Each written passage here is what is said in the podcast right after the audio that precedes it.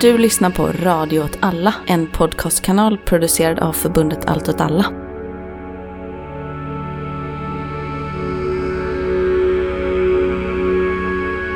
Ja, hej alla kära lyssnare. Hej! Jag heter Martin som vanligt. Jag sitter med Kalle. Jag är så, som, som vanligt heter Kalle. Vi har inte bytt namn Nej, mellan poddar. det är något vi borde testa. Byta namn? Mm, Det testas i andra nu, Ja, poddar. för nu testar vi det här med... Ja, jo, delvis det. Men nu, nu gör vi ett nytt format. Så nästa nya format måste ju vara att vi byter person med varandra också. Ja, just det.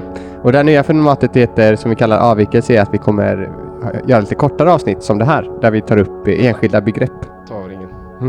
Ska man ta med en ring? Vi också, sitter också i ett rum, så vi har lagt ut massa grejer i hela rummet. Ja, vi, det var Kuddar och stolar. 40-årskalas i vår studio. Ja, det gick var det. Ehm, Får se om någonting är helt. ja, jag började just slita av en guldring från Martins hand för, Mm. att, eh, för att den eh, gjorde läten på mikrofonen. Ja, så mycket mindre swag nu. Exakt. Nu är det jag som är den coola. Och eh, tanken med avvikelsen är att de ska vara ett avbrott mot den vanliga eh, serien. Därför de heter de avvikelser. Och det ska Ja. vara kortare avsnitt som tar hand om olika begrepp. Tar hand om ett bra ord kanske. Mm. Alltså förvalta. Och Förvalta. det är här vi krossa. tar vårt lilla pedagogiska ansvar tänker jag. Exakt. Eh, men det är också, jag tänker ju också lite själviskt så tänker jag att det här är nice för att det kräver mycket mindre insats från vår sida. Ja, men också, det är också själviskt på det sättet att man får läsa saker man redan läst och det gillar jag. Ja, det är som när man spelar ett spel man är väldigt, väldigt bra på. Ja. Eh, att man bara får slakta en tolvåring. Eller som jag när, när jag spelade schack nyligen. Jag spelar ju väldigt mycket schack. Mm. Då mötte jag en kille som hette typ Chessman 1945 eller något liknande. Oj. Eh, och så gick jag in på hans profil liksom, efter att jag hade spöat honom två gånger i rad för han ville ju såklart ha en match till. Och så upptäckte jag det här är en man som spelar typ åtta timmar om dagen och har gjort det i typ tre, fyra år. Och det är liksom en kategori människor som finns. Jag undrar också varför han inte är 45. Nej, men 1945. jag, jag tror att han är pensionist. 45. Jag tror det. Man är jättegammal om man är 45. Ja, jag vet. Det, det var ju därför han var dålig på schack. Jag vann ju på tid på, båda gångerna.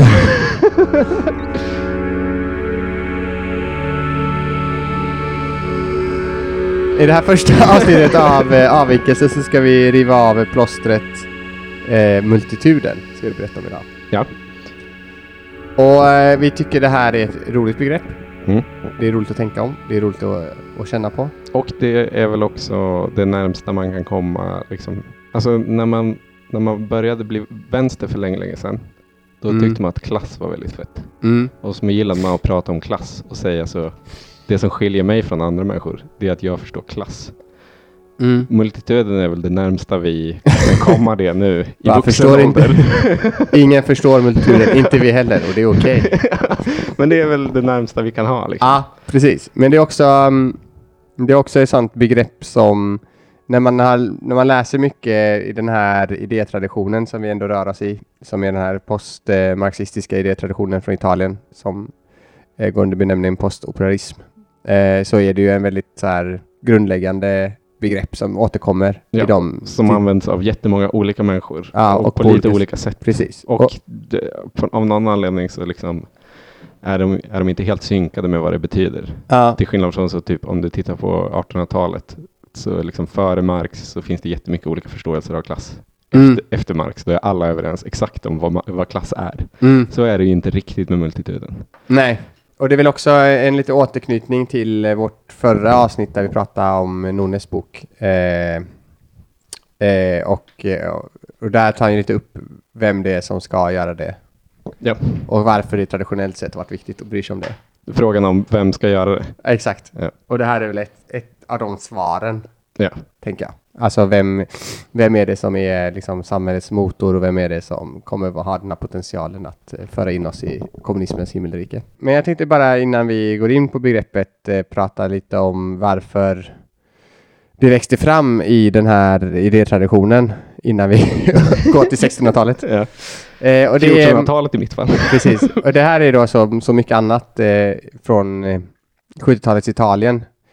Eh, när man liksom bröt med den klassiska marxistiska förståelsen av eh, klasskamp och eh, ja, marxism kanske på olika sätt. Utan att benämna det som sådant vid tillfället. Exakt.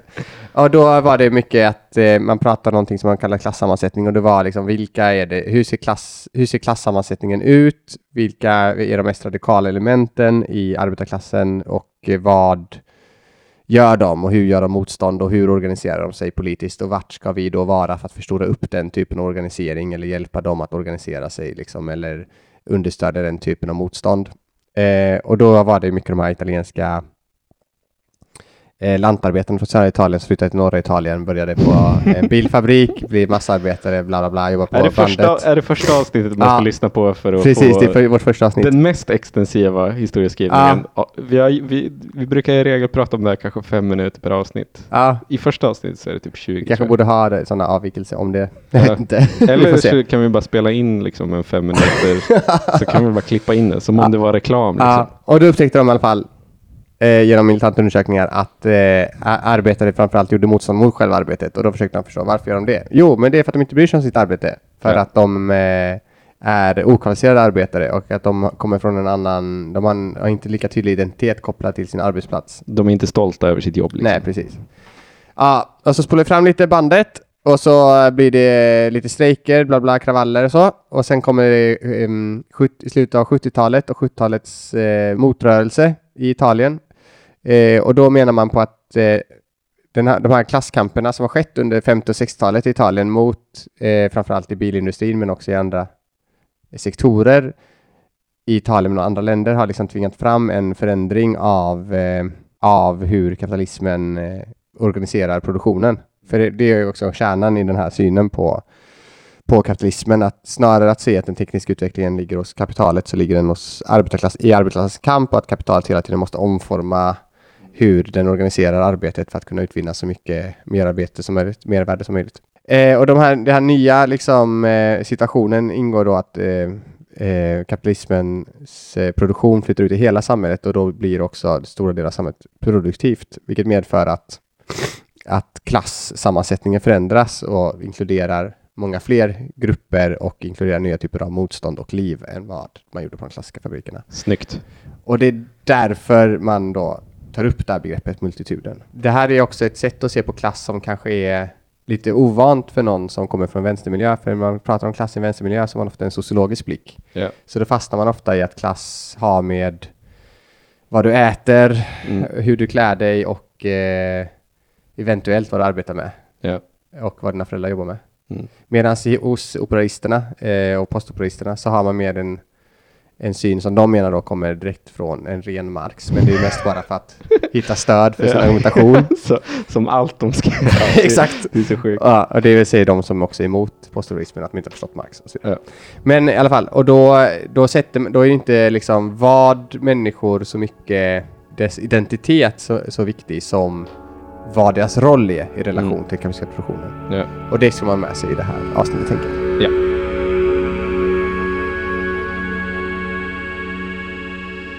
Det var, det var det snabbaste någon någonsin eh, gått igenom Italiens 60 och 70-tal. Jag har hört. Bla, bla, bla. det, var, ja, det var lite imponerande. Ta, jag, jag tar det väldigt eh, mossiga ansvaret där avsnittet. Att vara idéhistorikern. Om jag hade levt om mitt liv. Så hade det blivit Ja, men idéhistoriker. det är några saker jag hade gjort. Det är typ, ja men jag kanske varit bättre på att vårda och ta hand om min spanska som jag har Ja. Det hade varit att läsa statistik, men det har också varit att läsa jävla massa idéer. Ja. det är historia. Ja, det är ett kul ämne. Jag är inte idéhistoriker, så där kan jag Nej, inte jag heller. Och min bild är att idéhistoriker är lite eh, stiff. Mm. Eh, och när någon har lite fel om idéernas historia så kan Ja. de bli lite upprörda. Precis, det är då man ofta blir marxolog. ja, Sven-Erik Lidman. Eh, men, men, men, och, Fast Sven Emil Milman har ju fel, för han läser ju den eh, felöversättningen av Marx ja. Googla gärna på Sven-Erik Lidman eh, eh, Copyright Ja, väl Rasmus. Fleischers blogg om man vill Eh. läsa världens minst spicy drama. som, eh, som ändå var en förvånansvärt stor del av ens liv när det hände. Var det verkligen det? Okej. Jag, jag, jag blev lite, jag hängav mig åt det. Ja, jag, jag är emotionellt stöd för olika killar som drabbades av dramat. Men, men i alla fall. Jag ska ju då börja eh, med en lite historisk förståelse av liksom, multituden som fenomen. Eh, för det, det, när vi pratar om liksom, den postoperaistiska förståelsen av multituden så eh, härstammar den ifrån att man, eh, tar, man hämtar den i stort sett rakt av från Spinoza. Och, och anledningen till varför man gör det är ju delvis för att Spinoza generellt var liksom lite het eh, eh med Foucault, Deleuze, eh, så 68-vänstern. Eh, men också för att Spinoza är liksom före Marx. Och om, du då, om man då befinner sig i en politisk miljö där eh, liksom, eh, dog, dogmen är Marx, då, då, då är det ju en ganska, det är ganska självklart att man söker sig till någonting innan för att liksom, eh, få, återigen få stöd liksom, för någonting.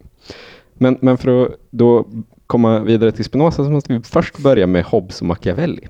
För att de är de första att liksom teoretisera vad multituden är och vilken liksom roll den kan fylla i politiken. Om vi tittar till Machiavelli, så Niccolo Machiavelli, en väldigt spexig person, framförallt känd för boken Fursten, han var en form av rådgivare till olika förstörare? Uh, först, nej, det är det han aldrig var. Det är okay. också så sjukt. Nu, det är nu jag blir Dick Harrison här.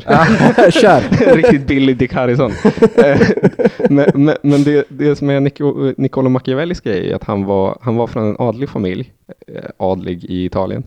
Uh, jag vet inte riktigt vad det betyder. Du pratar typ 1600-tal här eller? Uh, 1400. Ja, 1400 Slutet oj, ja. på 1400. Eh, så eh, vad adlig är i Italien, det vet jag inte exakt. Troligen är inte det exakt samma sak som var adlig i Sverige. Eh, jag gissar att det fanns fler adliga i Italien. Ja, jag kan typ att alla liksom. var adliga i Italien.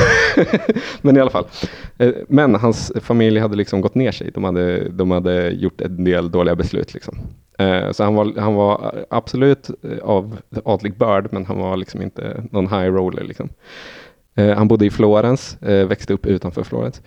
Eh, och Florens var vid tidpunkten en republik, men har liksom, styrdes informellt och formellt av liksom familjen Medici, som på många sätt är liksom furstar över Florens, även om de, de inte är det på pappret. Liksom. Eh, och runt om i Italien så finns det eh, vid tidpunkten så supermånga olika typer av styrelseskick. Liksom. Det finns furstendömen, det finns republiker, det finns så handelsstaden Venedig som är en oligarki och grejer. Liksom. Mm. Eh, och eftersom att det är Italien så är det ju också, har ju då, alla de har ju liksom sina egna liksom myter eh, om varför deras styrelsesätt är så satans bra. Eftersom att de eh, befinner sig i det forna romarriket som såklart också hade vid olika tidpunkter eh, olika typer av styrelseskick. Eh, det är därför fascister eh, och kommunister över hela världen vid olika tidpunkter refererat till romarriket som förebilder. För att det finns alltid en förebild för någon i romarriket. Liksom. Men, men, så, så han, han, han, är, han är politiker. Ganska tidigt, alltså ganska ung blir han politiker och får syssla med diplomati och grejer. Och sen efter att ha liksom hamnat i onåd med folk jag kommer inte ihåg varför. Eh, det är här Dick Harrison till exempel, skulle säkert, eller liknande person skulle säkert kunna en massa saker som jag glömt bort. Mm. Men han hamnar liksom i onåd och förvisas från Florens. Och det är då, när han, när han har förvisats, som han börjar skriva en massa. Mm. För att då, ska, då vill han försöka liksom komma tillbaka. Och då skriver han bland annat Fursten som är liksom han är, han är dvärgen i uh, Game of Thrones. Ja, lite, ganska mycket. Jag, jag är ganska säker på att dvärgen i Game of Thrones är ganska baserad på, på Machiavelli. Alltså, och det är nog inte en ny tagning. Nej. Det är kul att du säger det. men, men, men, men, så då börjar han skriva en massa. För att han, eh, och många har beskrivit försten som ett så CV. Att han mm. skickar ett CV till familjen Medici och är så, hej, ni vill ha mig som rådgivare. Eh, sen blir aldrig den boken publicerad medan han lever av någon anledning. Återigen. Jättelång CV. Återigen, Dick Harrison hade säkert vetat varför den inte publicerades när han levde. Eh, men det hände bara inte. Och Grejen med försten är alltså att han, han tar en ganska krass liksom, syn på vad en liksom, ledares roll är i ett feodalsamhälle. Eh, vilket då blir intressant eftersom att han är, är tidigare politiker i en republik. Så ja, varför bryr han sig? Liksom? Det är därför det är lite tydligt att det mest är bara ett sätt att försöka framhäva, liksom, kolla vad jag kan fylla för funktion för mm. dig just nu. Liksom. För Italien vid tidpunkten är också jävligt speciellt, för att det är ju kaos överallt och 30-åriga kriget är på väg om 50-60 år eller något. Men, men, men, men boken har liksom beskrivits som en, eh, som en liksom början på politisk realism. Liksom. Mm. Alltså att man, den, den första som eh, på riktigt är så det finns, det finns eh, dygder och det finns moral, liksom, men politik är någonting helt separat från det. För tidigare så har man varit så, eh, det sättet du är en bra ledare, det är att vara en moralisk person. Och den moralen är liksom eh, logisk från start till mål. Samma, samma moraliska regler som gäller för dig som ledare gäller även för liksom, privatpersonen, medborgaren. Liksom. Eh, och, och, om alla bara uppfyller de här moraliska kraven så kommer allting bli bra. Om, om ledaren är moralisk så skapar den led, eh, moraliska subjekt. Liksom. Medan Machiavelli är mer så, du ska utöva makt, du måste skrämma folk, du måste få folk att lyda dig. Liksom. Mm. Eh, och just multituden benämner han eh, som en liksom väldigt eh, skräckinjagande kraft. Han pratar en del om så yttre hot, så eh, fienden nationer som kommer att ta över ditt land. Men den absolut, och det säger han uttryckligen, det största hotet mot en första är dess egna befolkning. Den här eh, eh lösa massan, multituden. Så, så, så, hans benämning av multituden är, den är farlig, och den är, eh, den är svår att sätta fingret på vad den är. Och det är därför den måste skrämmas. Du kan inte, du kan inte rätta den enligt, eh, eh enligt så, du kan inte få den att eh, bli regerlig genom att eh, visa den vad som är rätt. För det hade ju på något sätt varit då att man skulle liksom homogenisera multituden. Mm. Utan det enda du kan göra det är att skrämma individerna som utgör multituden. liksom. Så himla osympatisk person ändå. Ja, fast jag gillar Machiavelli som person. Mycket eftersom att det bara var ett CV som aldrig publicerades. man gillar ju han, dvärgen i ja, Exakt. Men han, skrev, han skrev ju också andra böcker. Så typ diskurser om Levi, tror jag den heter som är mer ett försvarstal av republiken. Mm. Och den, var ju, den är ju inte ett CV till Medici utan det är bara någonting han skrev till sina polare, om jag fattat rätt. Mm. Eh, lite så diskussionsunderlag typ. För sådana var folk förr i tiden. att man skrev en bok som diskussionsunderlag till sina samtal med sina närmsta vänner. Så kommer han som tillsammans med Machiavelli blivit viktigast för liksom, att förstå den liksom, common sense-förståelsen av eh, vanligt folk och vilken, hur, hur lynniga vanligt folk är.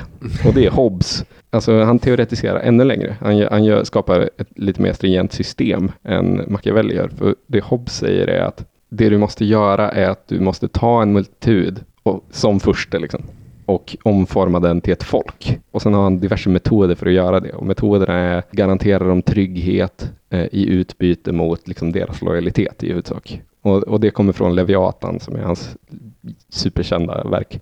Eh, Hobbes tror jag inte har en så här lite, lite förmildrande omständigheter kring sig, att vara, att vara lite rolig och skön. Nej, han var ju engelsman va? Ja, och deeply jävla lojal till eh, hovet liksom. eh, eh, han var inte den här sköna frifräsar först eh, typ Som kastas ut från Florens. nej, nej, Hobbes bara oskön liksom. Eh, men, men, så det är de två liksom, förståelserna av multituden som finns, finns i, i senmedeltiden liksom, och början på renässansen. Och det är alltså, multituden är farlig. Mm. Eh, den är, är of, eh, liksom oregelig, därför måste den formas om genom våld och hot om våld. Precis, och Hobbes är ju viktig då med förståelsen av att skapa ett folk, för det är ju själva grunden till förståelsen av staten, att det är, det är nationalstat, att folket då måste mm. vara någon form av, man måste homogenisera mm, sina exakt. Underlydande. Mm. Det är ju det är lite, alltså, och det här, nu återigen borde jag varit Dick Harrison, men det är jag inte. Men det är ju ganska intressant med Hobbes specifikt att Hobbes är så jävla mycket royalist och liksom eh, mm. det han gör är att skapa en teori för att liksom bekräfta den absoluta monarkin. Men att det hans politiska teori sen används till i huvudsak är uppbyggandet av den moderna staten. Ja, precis. Det är, jätte... För det, det är väl han också som är, sitter de här bevingade orden att liksom utan suveränen, alltså kungen, kungamakten eller makten, så är det, och den här multituden bara, liksom, när det bara är så är det, är det bara allas krig mot alla. Exakt. Och, det är väl hans här. Ja, man får gärna lyssna på socialdarwinism avsnittet vi gjorde också. Ja. För att förstå Hobbes hjärna. Och de är då hegemoniska. Den här förståelsen av vad multituden är och i sin förlängning liksom vad politik är och vad politik behöver vara. Eh, att, att människor måste vara, alltså det finns en dyg, dygdighet liksom. Alltså att ett samhälle blir produktivt genom att eh, medborgarna är dygdiga och att ledarna är, är intelligenta och eh, eh, spelar på liksom, medborgarnas dygdighet liksom, och fogar dem till att bli dygdiga medborgare. Liksom. Och dygdighet blir i då sammanhanget typ att vara ärlig, att vara lojal, patriotisk och sådana saker. Eh, men sen kommer Spinoza från ingenstans. En eh, eh, flumpelle igen. Mm. holländsk jude. Eh, uteslöt sen ur den judiska församlingen för att eh, judiska församlingen menade att han var ateist. För Spinozas stora grej, det han är mest känd för, liksom, är ju hans eh, religions, alltså Mm. hans förståelse av religion. Och det är att Gud är immanent i alla ting. Liksom. Ja. Att Gud är inte en skap, Gud är absolut på något sätt skaparen, men framförallt är Gud skapelsen. Mm. Eh, alltså att Gud finns eh, överallt, att alla människor är i någon utsträckning gudomliga. Liksom. Mm. Och att vi därför måste ha respekt för varandra och vi måste vara jämlika, för vi är alla jämlikt gudomliga. Liksom. Ja. Och, och eftersom att Spinoza då har den här synen på människor, att, att alla människor är gudomliga i någon utsträckning, det betyder också i förlängningen att alla människor också måste vara jämlika i någon utsträckning.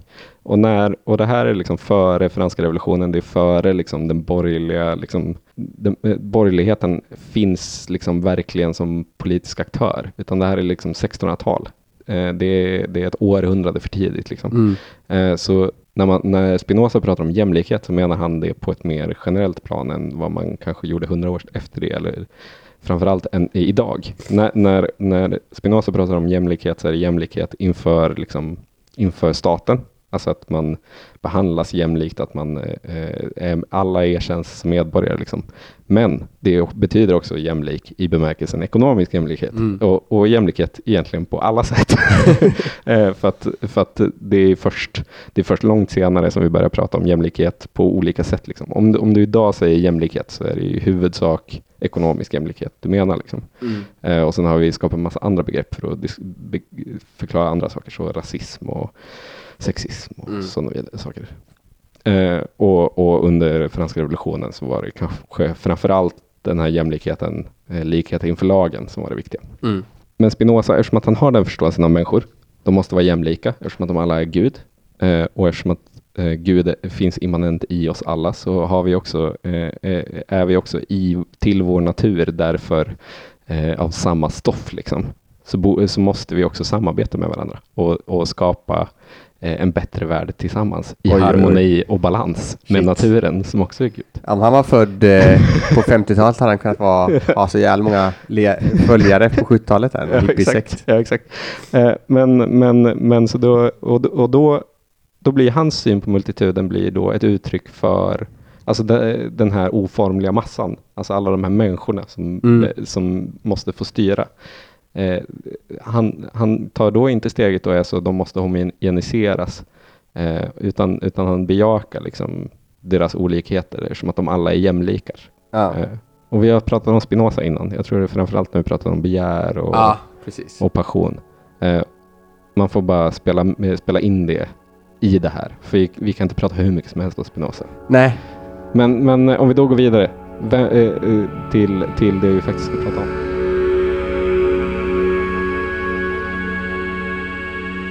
Vi började ju vår, eh, vår resa i Italien på 70-talet och sen gjorde vi en liten, åkte vi tillbaka till 1400-talets Italien. Ja, För också sen- norra Italien. Ja. Vi har stannade ganska länge i Men norra vi har varit Italien. liksom, ja precis. Och sen från norra Italien åkte vi till England Mm. på, s- nej det är 1600-talet. 1600 någonting. Ja. Och sen åkte vi till Amsterdam. Ja. Låter som en sån traditionell grabbresa. Men det, det du beskriver är verkligen en riktigt bra det här är en semester. så här teoretisk grabbresa. Eh, men i alla fall, nu ska vi tillbaka till 70-talsitalien.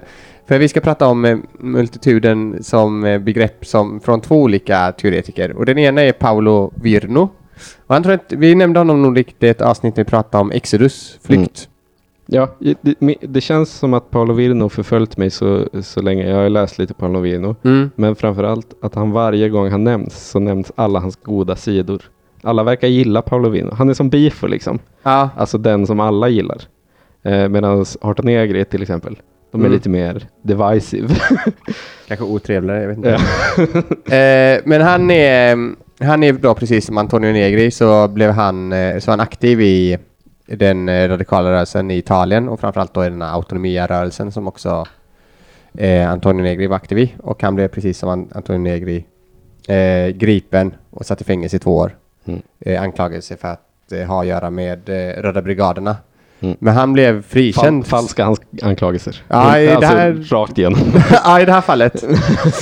så han blev frikänd efter två år i fängelse. Men han är då, precis som Antonio Negri idag, en liksom politisk filosof och teoretiker. Och han har då, som vi, i det här avsnittet Exodus tar vi upp, han dels teoretiserat mycket om det, men också teoretiserat mycket kring multituden. Mm. Han är väl egentligen språk och Ja, eh, lingvistiker, medievet- typ. Ja, exakt. Eh, igen. Han är på Eh. något eh, universitet nu i Italien Ja. någonstans. Men det är väl, och det är väl väldigt passande i sammanhanget. Ja, precis.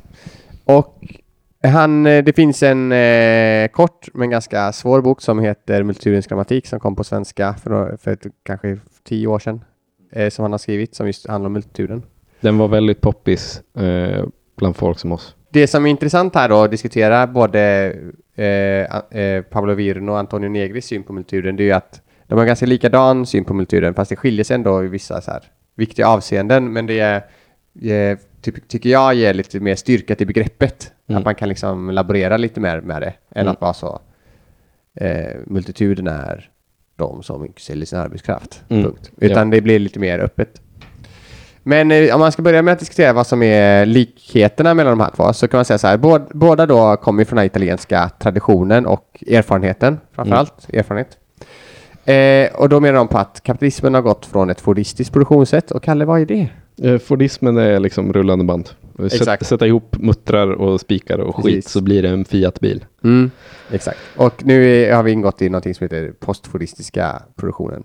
Eh, att man sätter ihop, istället för att sätta ihop muttrar och spikar så att det blir en Fiat-bil på ett rullande band och, och att man är jätte- jättemånga så är man istället, eh, sitter man och jobbar hemma exempelvis och skapar idéer och tankar och känslor. Precis. Och den viktiga poängen här är också då att eftersom kapitalismen då har på grund av den klasskampen som skedde under 60-talets välfärdsstat Mm. i eh, Västeuropa framför allt så har liksom eh, den kapitalistiska exploateringen och systemet liksom lyfts ut från fabrikerna så att liksom skillnaden mellan fritid och arbete har suddats ut. Ja. Eh, det är fler sfärer av livet som är produktiva och det är svårare för många eh, människor som, som är en del av, som arbetar men som inte heller arbetar, att liksom se skillnad på vart arbetet börjar och slutar egentligen. Ja, och många har ju benämnt, eller förklarat multituden begreppet framförallt hos Harton Egri som det är en heterogen arbetarklass bara. Om man- jag, jag tänker vi kommer till det. Okej, Eh, bra.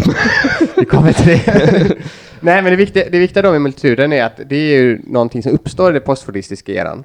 Den här historiska genomgången tycker jag är viktig för att eh, det är ju 100% ett faktum att det, så länge det har funnits människor så har det funnits en oregelig massa. Liksom. Mm.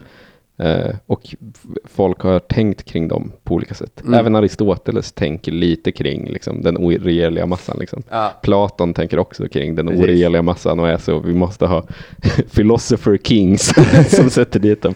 Men då är ju multituden är ju liksom en produkt här då av det postfordistiska samhället. Alltså att eftersom arbetet flyttar ut mer i samhället så blir också identiteterna inte lika fasta och inte, Nej. framförallt inte lika fast knutna till vad man har för arbete. Nej. Så att du, du är liksom inte, du, du, du har inte en viss skrud för att du Nej. monterar en Fiat-bil längre. Nej. Och även om du i, nu idag monterar en Fiat-bil så kommer du inte ha Fiat-bilsskruden.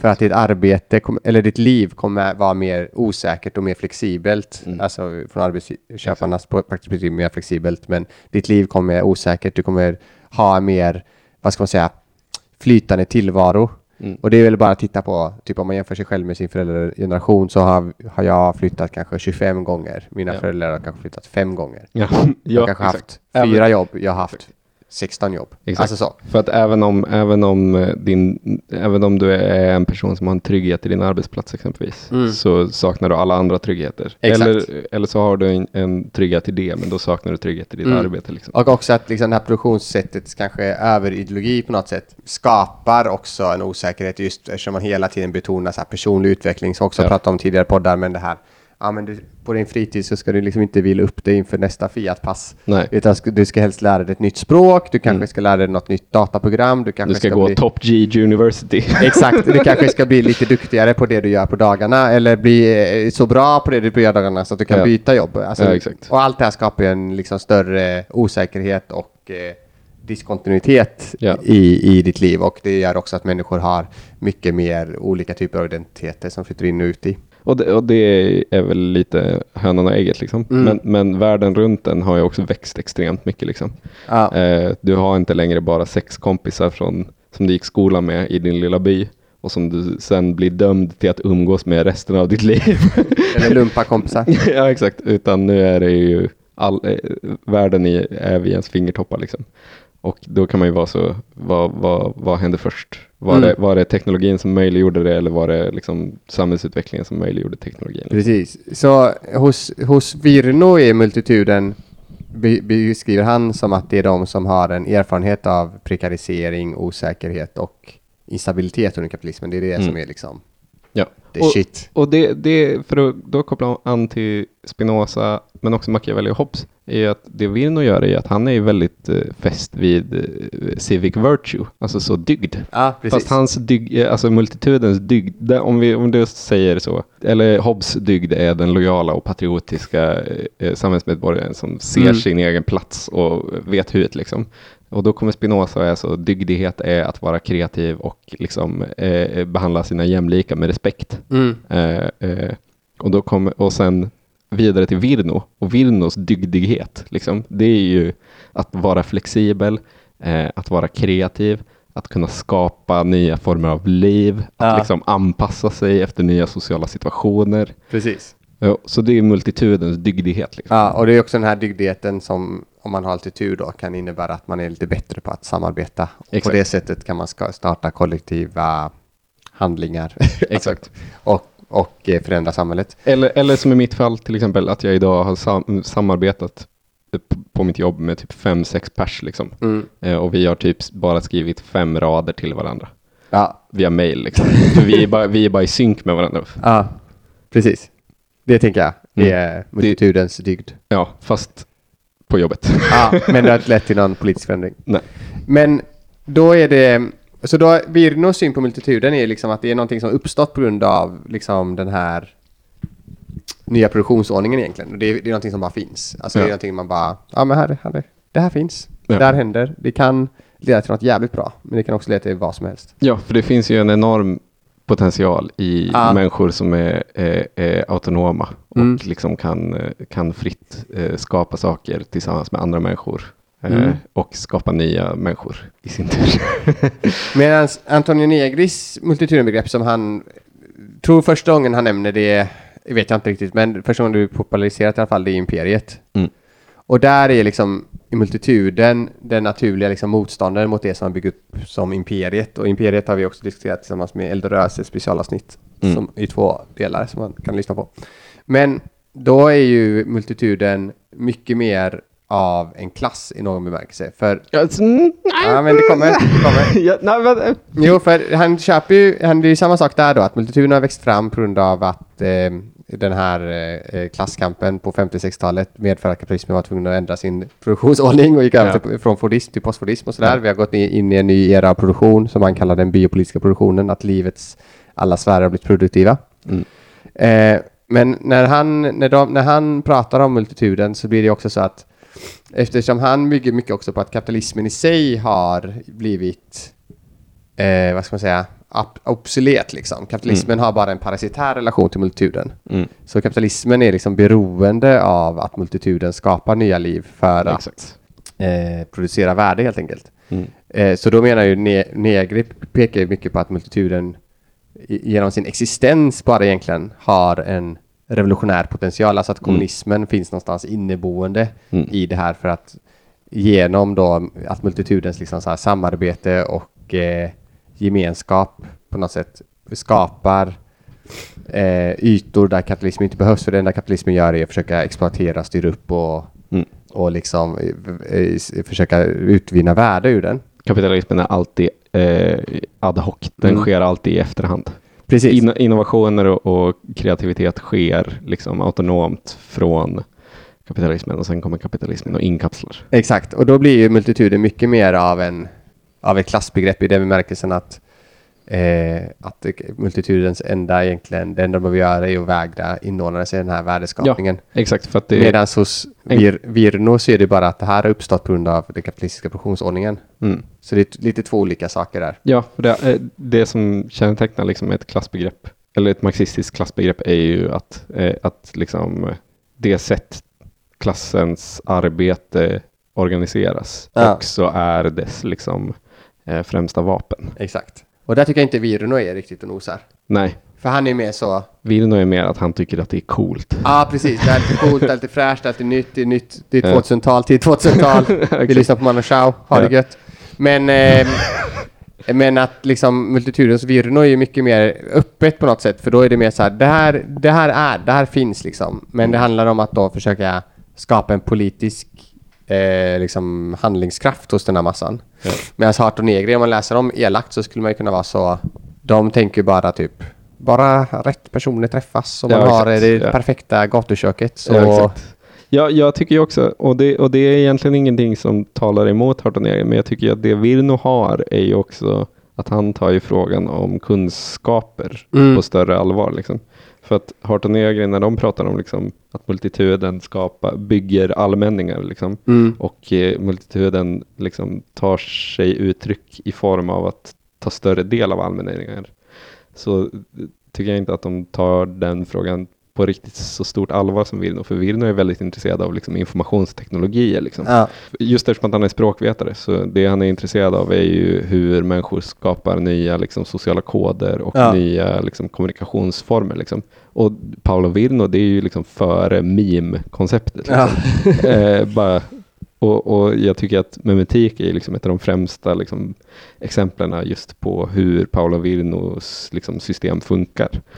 Eh, att det är liksom olika dygdiga multituden-medlemmar som liksom gör saker tillsammans och remixar och eh, flummar. Liksom. Ja. Eh, medans jag tycker, och, och absolut det får plats i Hartonegri, liksom, men jag tycker inte Hartonegri är särskilt bra på att faktiskt inkorporera det, utan när de ska förklara vad fan, vad, absolut, de kan lokalisera vem som bör göra det, liksom. men så Ja. fort de ska gå vidare till så, och hur ska det gå till, så är det soppkök.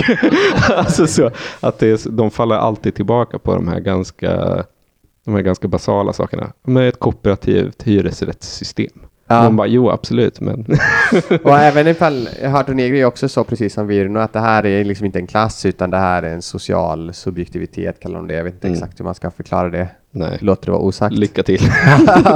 Men att det är liksom mer en öppen form av olika liksom identiteter som eh, liksom på något sätt klumpas ihop. Men Mm. även inte klumpas ihop för att de vä- vägrar gå med på att Ja. homogeniseras. Liksom. Det är det som är den radikala potentialen, typ att man vägrar liksom, Ja. eh, bli något annat än vad man är. Exakt. Ja, men för ett bra exempel, och återigen för att återgå till informationsteknologier, Profilicity-begreppet Mm. som Stormens utveckling har snackat jättemycket om för länge sedan.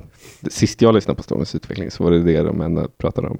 Och det är ju någon så sociologi-spaning Mm. av någon farbror någonstans som svar på den här eh, ungdomar mår dåligt av sociala medier-debatten. Liksom. Eh, eller, eller alternativt, folk, folk, är, folk blir stressade av att eh, sociala medier är en lögn. Liksom. Och då är profilicity-konceptet är då det motsatta. Att så, eh, ja, det, ja, Instagram är en lögn. Du lägger bara upp bilder på den godaste maten du äger, eh, Mm. äter bara när du är som snyggast. Liksom. Men det skapar också en möjlighet till lek. Liksom. För att du kan, du kan liksom skapa parallella personas för dig själv. Mm. Det kanske är samma namn på dem, men det är olika personer. Liksom. Du, är, du är en annan människa på Twitter än du är på Instagram. Du är en annan människa när du interagerar med den här än när du Ja. interagerar med den där. Liksom. Och att eh, så länge man inte har en, liksom, får en vanföreställning om att det är någon typ av verklighet, då är det bara positivt. För att då är det bara eh, kreativt och liksom möjliggör för dig att upphäva identitet. Liksom. Mm. Eh, och, det, och jag tänker att det passar in ganska väl i liksom Virno, Virno-konceptet. Liksom. Verkligen. Men för det är det också som eh, är med eh, Hart och Negri där, att det är fortfarande ett öppet begrepp hos dem ju, multituden, och att multituden då, till skillnad från Virno, har det här inneboende potentialen till kommunism Mm. eh, per automatik. Men det är också att eh, desto senare man kommer i deras liksom, idéproduktion så blir det också mer och mer att de börjar prata om typ multituden för sig och i sig och sånt. Ja, Alltså de som om bör- det var en klass, exakt. Som att det liksom. var en klass, exakt ja. ja. Så att eh, det är väl det som gör det lite tråkigare. Ja. Men det handlar väl om att Antonio Negri är super, super gammal och Michael Hart är en lite idpool-amerikan. Ja, antagligen. antagligen. Det är, det de är ändå guld båda två. Ja, jo, absolut. Man älskar ju att läsa dem och håller med om 90 procent. ofta när man läser Hart och Negri, kanske framförallt Michael Hart, också när man hör dem prata, kanske framförallt Michael Hart. så när de beskriver multituden så är det ju just den här grejen av bara adderade identiteter. Liksom. Mm. Det är eh, arbetarklassen, det är morsan som sköter barnen, det är eh, HBTQIA+, och eh, liksom, att det mm. bara blir en enorm regnbågsflagga där alla ska ha varsin färg. Liksom. Ja. Men det, det som är egentligen speciellt med det är ju, är ju att multituden utgörs av multitudinära subjekt. Liksom. Ja. Att, att det inte bara är att eh, de här människorna är fasta kategorier eh, och att de tillsammans skapar en multitud, utan att multituden är liksom en, en, en liksom gradient av, av färger som inte finns. liksom. Precis. Alltså, av folk som, folk som skiftar och liksom byter form och liksom i genom att interagera med varandra också liksom byter form. Och det är typ TikTok blir ett skitkul exempel där det är så weird ass jävla folk som bara så, typ en 16-åring som bara, jag är en varg egentligen. Och alla följare bara, haha, ja, ja du är en varg. Uh, och, sen, och sen en vecka senare så är den inte en varg längre. Liksom. Nej. För det spelar ingen roll. Liksom. det, är bara, det, är bara, det är bara identitetsupphävande. Liksom. Mm. Jag, jag tänker just det, det identitetsupphävandet, eh, om man ska vara så, vad ska man ha där till? Mm. Så tycker jag att man, så här, det är ett intressantare koncept att tänka kring, eftersom jag, jag tycker ändå att det beskriver på något sätt både liksom eh, potentialen i samtiden men också liksom dess gropar på något sätt. Eller man mm. förstår lite mer typ, okej okay, men varför röstar alla som borde rösta på sossarna på SD liksom? Eller mm. varför, mm. du vet, byter folk eh, liksom, varför har folk de här åsikterna eller de här åsikterna och mm. sånt? Men man, då kan man ju tänka sig då som att om, om liksom postfordismen har producerat en massa flytande, lösa, rotlösa människor ja. så kommer det alltid finnas delar av den här multituden som försöker leta efter de här homogeniserande projekten. Ja. Eh, och de, ett, ett liksom försök att återgå till typ nationalstaten och återgå mm. till den typen av politisk logik som mm. kändes tryggt och säkert på något sätt. Men sen finns det också ett litet segment av liksom extremhögern som är jävligt multitudinära. Som, liksom, som absolut inte bryr sig om att egentligen liksom likrik, likrikta samhället och att återupprätta en stark nationalstat och en homogen, liksom, ett homogent folk.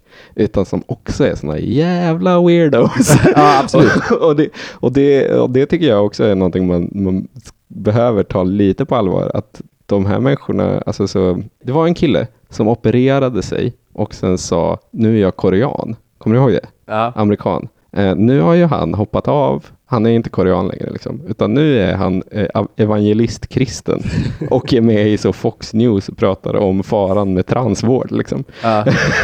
och, och, han skulle jag absolut inte säga är en sån som bara vill återupprätta, nej, nej, utan, utan, hans drivkrafter är mycket mer svårbegripliga. Han är mycket mer multitudinär. Liksom. Ja, absolut. King för övrigt. Men, men, också när man ser då när multituden då, om vi, om vi kollar på typ den postforistiska eran och när liksom multituden har haft en typ radikal vänsterpotential, då har ju också delar av multituden ofta hittat en gemensam identitet. Men den gemensamma identiteten har inte varit folket. Nej. Det har inte varit i arbetarklassen utan det har ju varit någonting som har funnits i den specifika kampen och där är ju typ Indigenos-rörelsen i Spanien ett bra exempel. Mm.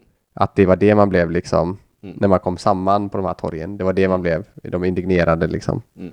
Och samma sak typ när man har försökt det här med eh, Occupy rörelsen i USA så var det väl att man var det 99% liksom och fyllde det med mening på något sätt. Och Exakt. det är ju eh, begrepp på ett subjekt liksom som uppkommer i kamp mot någonting och ja. då över eh, då över eh, vinner man ju de här liksom, fasta kategorierna på något sätt. Yeah. Och då hittar man en, en tredje gemensam mm.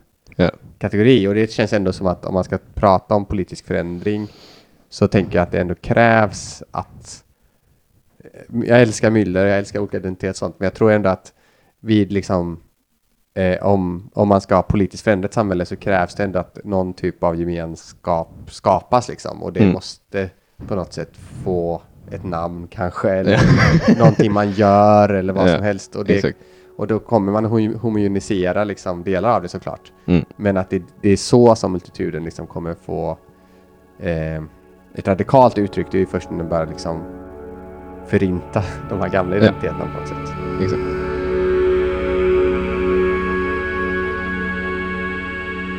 Men så, så frågan om, är det viktigt eh, med frågan om vem som gör det? Svaret är väl då, jo. ja, Ja. Ja. Jo, det är helt viktigt. ja. Och det kan vara någon som är en varg en vecka. det kan vara någon som är varje vecka. Eh, eh, Men det kanske är först den här personen som är varje vecka hittar en annan person som också är varje vecka.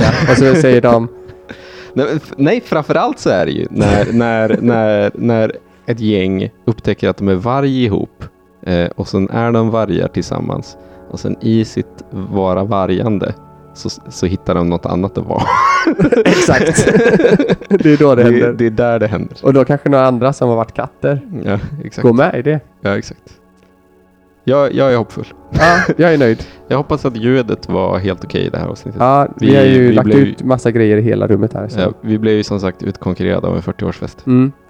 Och eh, om man vill eh, stödja den här typen av idé, idé, eller en idéhistorisk grabbresa så kan man eh, bli Patreon Ja. på... Ma, Eh, alltså, hur, my- jag vet inte exakt hur mycket vi tjänar just nu på Patreon, men det är ju definitivt minst en resa till Amsterdam och Florens. ja, det kan nog För vara. en person. För en person. en dag. Så om vi dubblar antalet, det både du och jag. Då kan vi ha det här avsnittet fast vi åker till de här platserna Ja. och spela in det.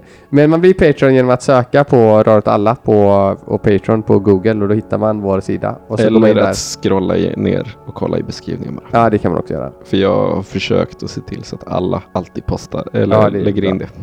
Så bli gärna det och pengarna kommer gå till massa kul grejer. Till exempel en ny, ny studio här i Malmö. Mm. Som Det- inte kommer vara eh, där du och jag befinner oss just nu. Nej, precis. Och där kommer det vara värderat. Ja. Det kommer ju vara mycket bättre 40-årskalas också i Ja. vår studio när den är bättre ljud. Ja, det kommer det vara. Men tack så mycket för att ni lyssnade. Ha det bra.